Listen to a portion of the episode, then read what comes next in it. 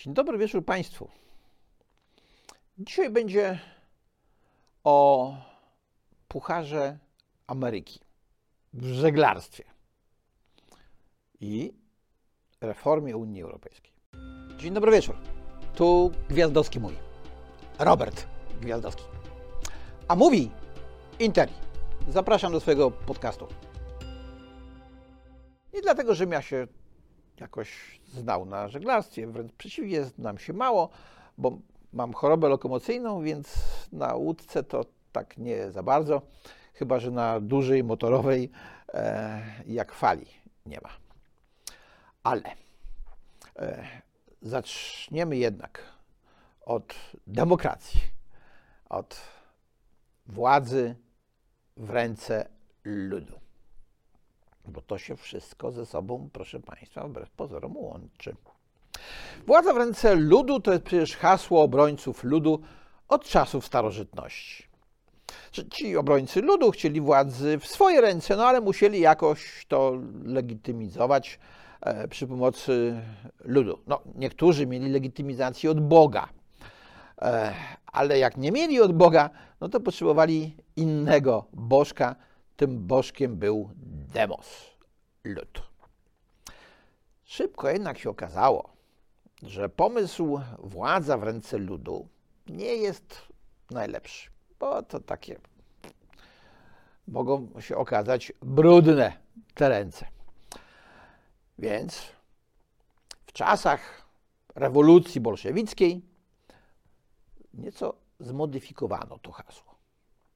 Władza w ręce rad powiedział Lenin.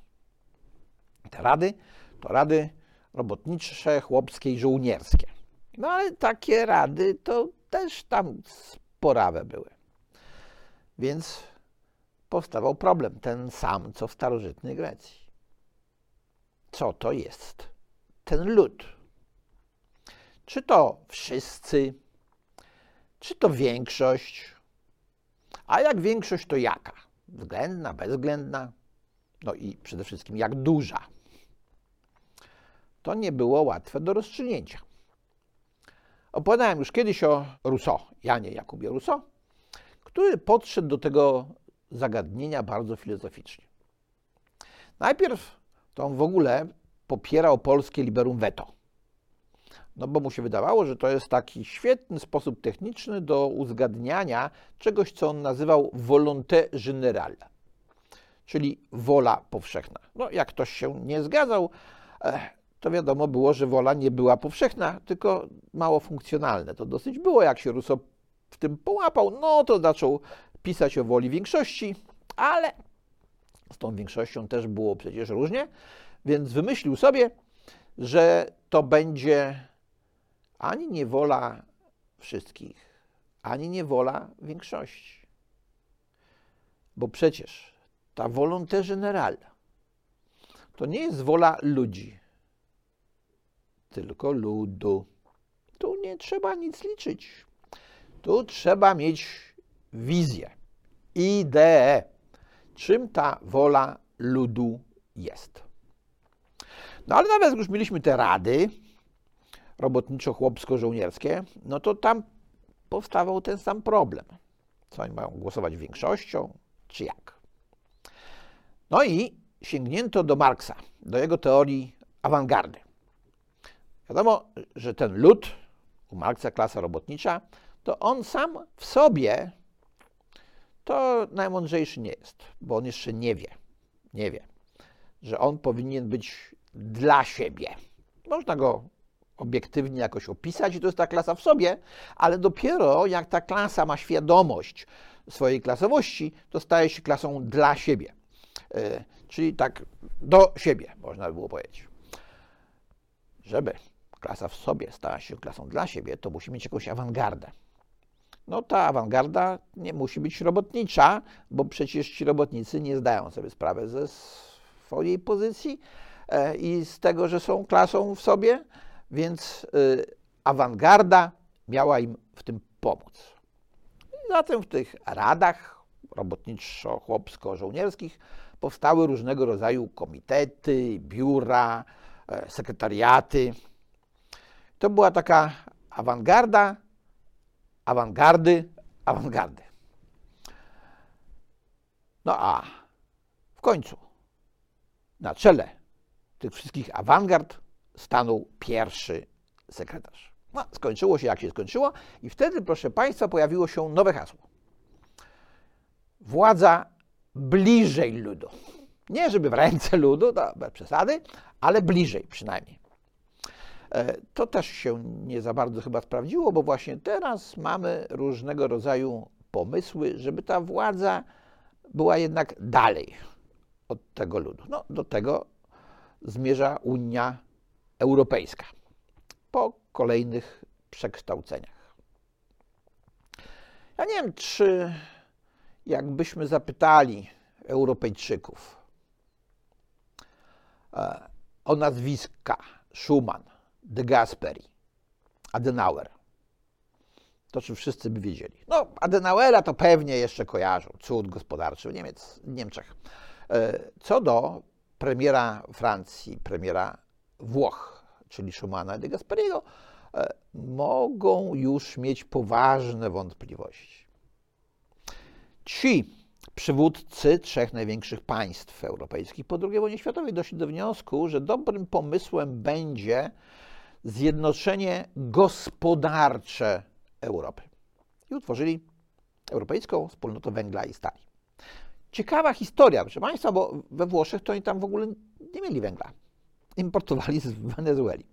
Ale powstała Europejska Wspólnota Węgla i Stali, bo węgiel i stal to były rzeczy, które w gospodarce e, europejskiej po II wojnie światowej, znaczy nie tylko europejskiej, e, były rzeczami najważniejszymi. No, dzisiaj węgiel to już jest w ogóle passé, e, więc nie mamy Europejskiej Wspólnoty Węgla i Stali i raczej staramy się, że taka była, w ogóle zapomnieć.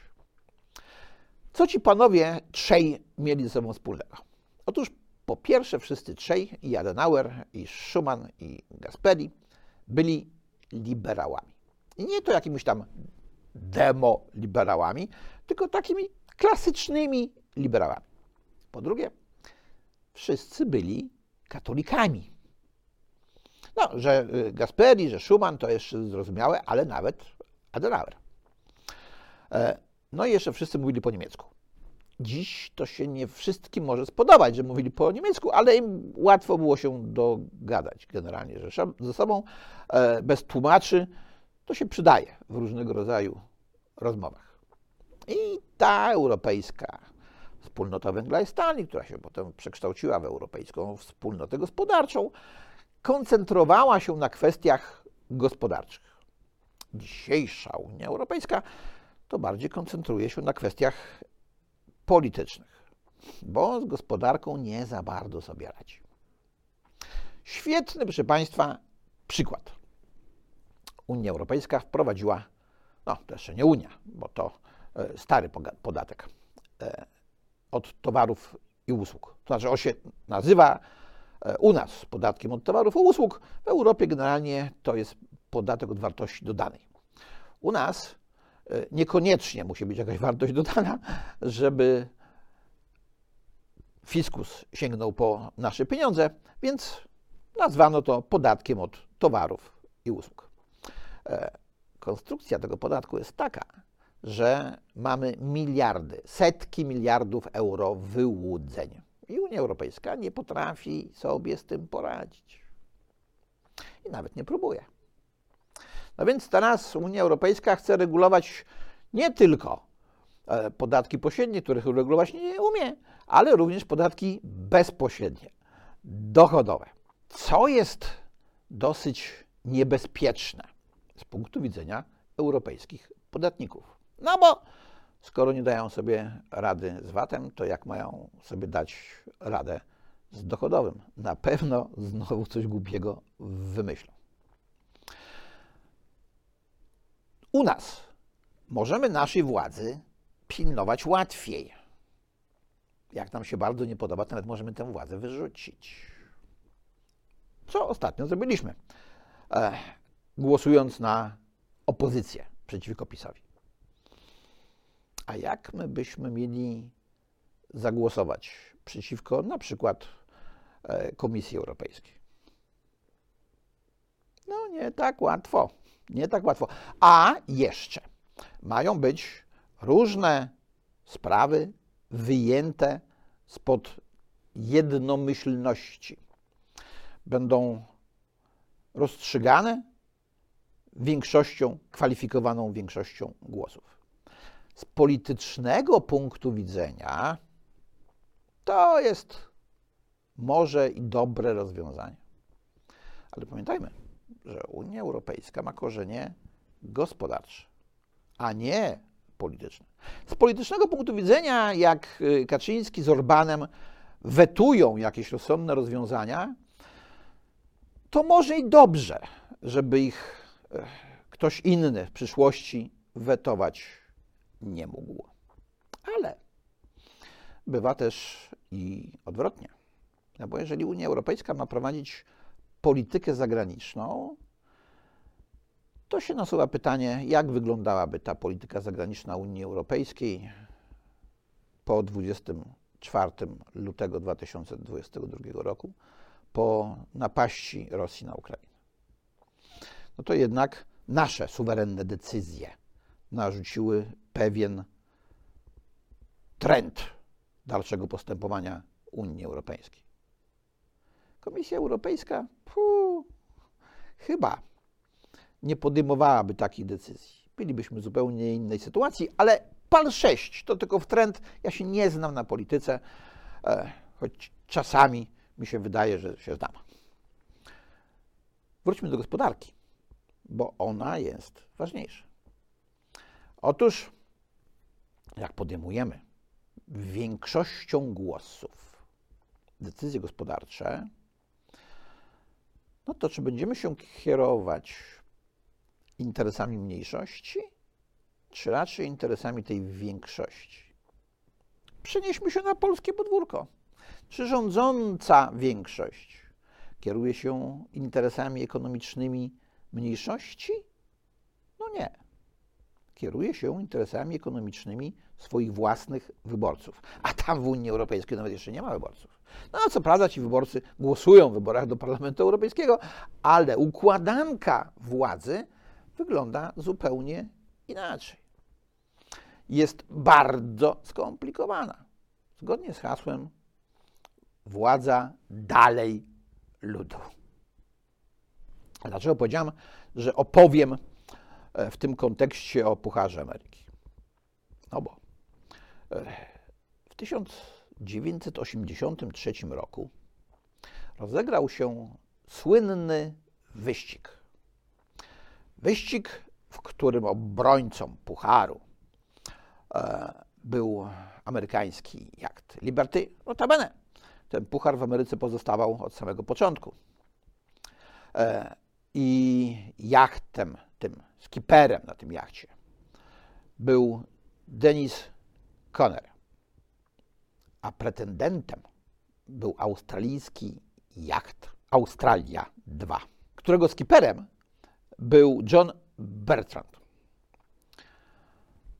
Ciekawostka jest taka, że wyścig ten zasłynął z pewnych takich zakuluarowych rozgrywek na temat konstrukcji jachtu Australia 2. Konstruktorem, proszę Państwa, niebywała rzecz. Był Ben Lexen. Ciekawy jestem, czy dziś powierzono by cokolwiek facetowi, który miał cztery klasy szkoły podstawowej.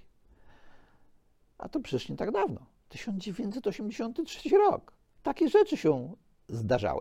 Wyścig jest słynny głównie z tego powodu, że Amerykanie trochę się przestraszyli nowinek technicznych. Oczywiście płetwonurkowie sprawdzili, na czym one polegają, ale ich nie rozumieli. A jak się czegoś nie rozumie, to się tego boi. Więc przy pomocy różnych trików e, próbowali wyeliminować Australijczyków z zawodów. Dziś pewnie byłby oto jakiś wielki proces.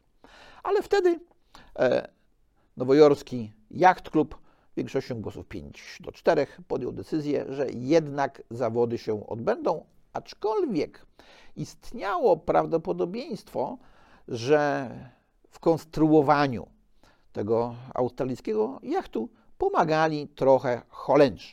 A regulamin był taki, że jacht, załoga ma być z tego kraju e, i konstruktorzy tego jachtu, który występuje, który staje w szranki. Tylko punktu widzenia różnych decyzji strategicznych, nie to jest najistotniejsze. Chodzi o ustawienie się do wiatru. Otóż prowadzili Amerykanie. E, w piątym wyścigu przystanie 3 do 1 w zasadzie już mogli e, zacząć na pokładzie otwierać szampana.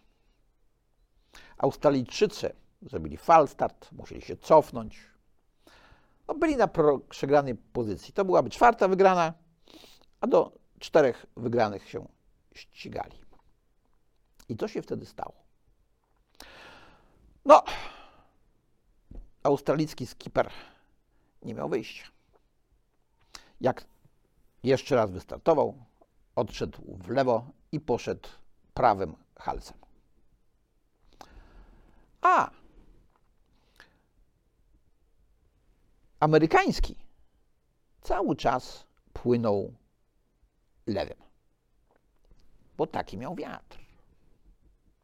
Australijczykom pozostało się modlić, że wiatr się zmieni. I on się zmienił. Wygrali ten wyścig i potem kolejne pozostałe.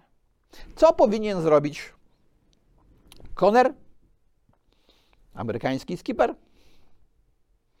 Jak prowadząc, zobaczył, że Australijczycy ustawiają się inaczej do wiatru, powinien zrobić to samo. Bo jak łódki płyną tak samo, to ta druga tej pierwszej nie dogoni.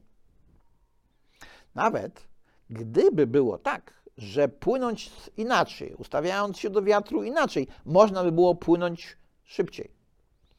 Pytanie jest takie, czy chodzi tu o rekord prędkości, czy o zwycięstwo? Kto dopłynie pierwszy?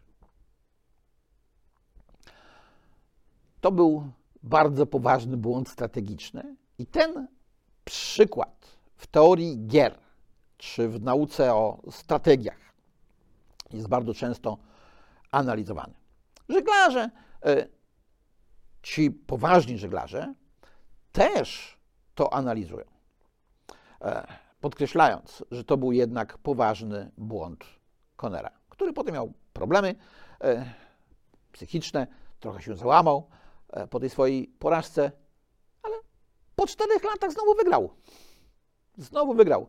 Stąd jego pseudonim Mr. America. Dlaczego to ważne?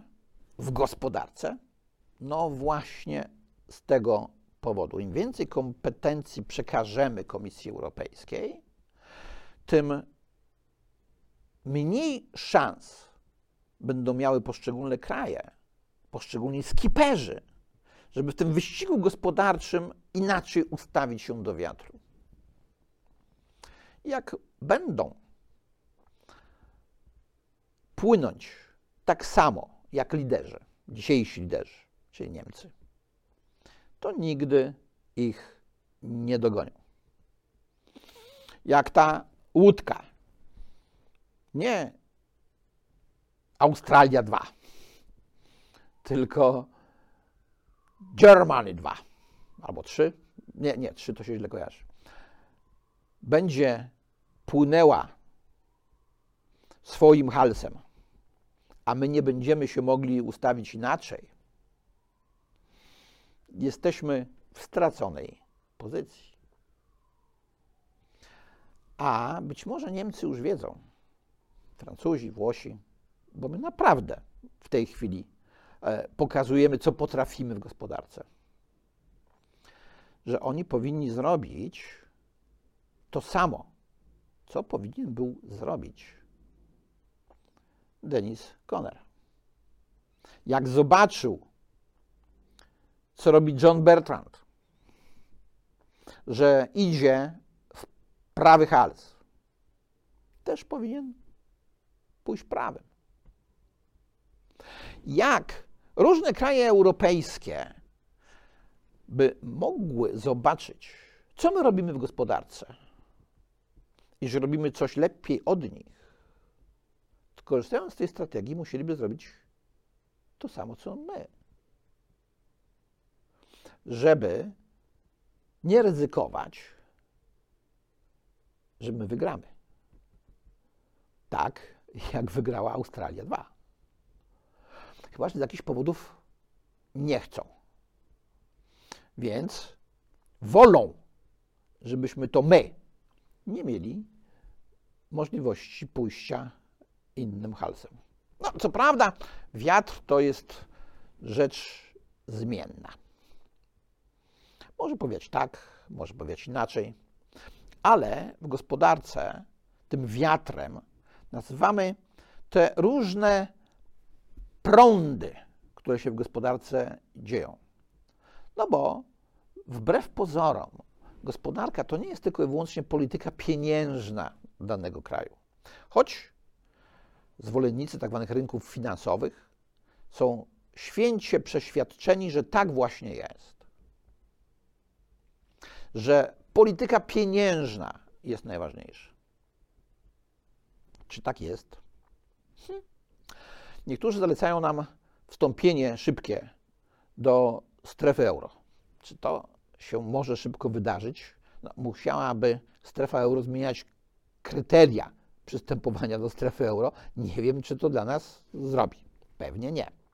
Ale czy my powinniśmy się spieszyć? Po wybuchu wojny na Ukrainie rzuciłem takie hasło, że skoro Ukraina rozpoczyna e, negocjacje, chce rozpocząć negocjacje z Unią Europejską, negocjacje akcesyjne, może nie spełnia żadnych warunków, to może my powinniśmy wystąpić o rozpoczęcie prac nad przystąpieniem do strefy euro. Dlaczego? Bo e, w takich niepewnych czasach politycznych to nie wiadomo, jak reaguje pieniądz na wojnę. Przecież e, ukraińska hrywna zareagowała fatalnie, została obroniona przez Bank Światowy. E, czy euro, gdyby Rosja napadła na jakiś kraj euro, zareagowałoby tak samo fatalnie jak australijska hrywna, jak Rosja napadła na Ukrainę? No raczej nie. Więc moim zdaniem to jest główny argument, że być może należy o tym myśleć. Nie mówię, że należy to szybko robić, ale myśleć owszem. Tylko pamiętajcie Państwo, e, najważniejszą rzeczą w pieniądzu fiducjarnym jest polityka kursowa banku centralnego. Dla euro tym bankiem centralnym jest Europejski Bank Centralny z siedzibą we Frankfurcie. Jeżeli mamy w strefie euro kraje o takiej różnej kondycji gospodarczej i o tak różnym przebiegu cykli gospodarczych jak Niemcy i Grecja, no to jak ustalić stopę procentową, żeby ona była równie dobra dla jednych i dla drugich? Gdzieś po środku? Bliżej jednej strony, bliżej drugiej? Przy pomocy jakichś specjalnych algorytmów? Czy może ci e, prezesi e, Europejskiego Banku Centralnego podejmują raczej decyzje kierując się interesem Niemiec, Francji, Włoch, a nie jakiejś tam Grecji. Tak śmiem twierdzić. I tak samo jest z różnymi decyzjami dotyczącymi podatków. Wróćmy do Monteskiusza. Wspominałem o nim wielokrotnie.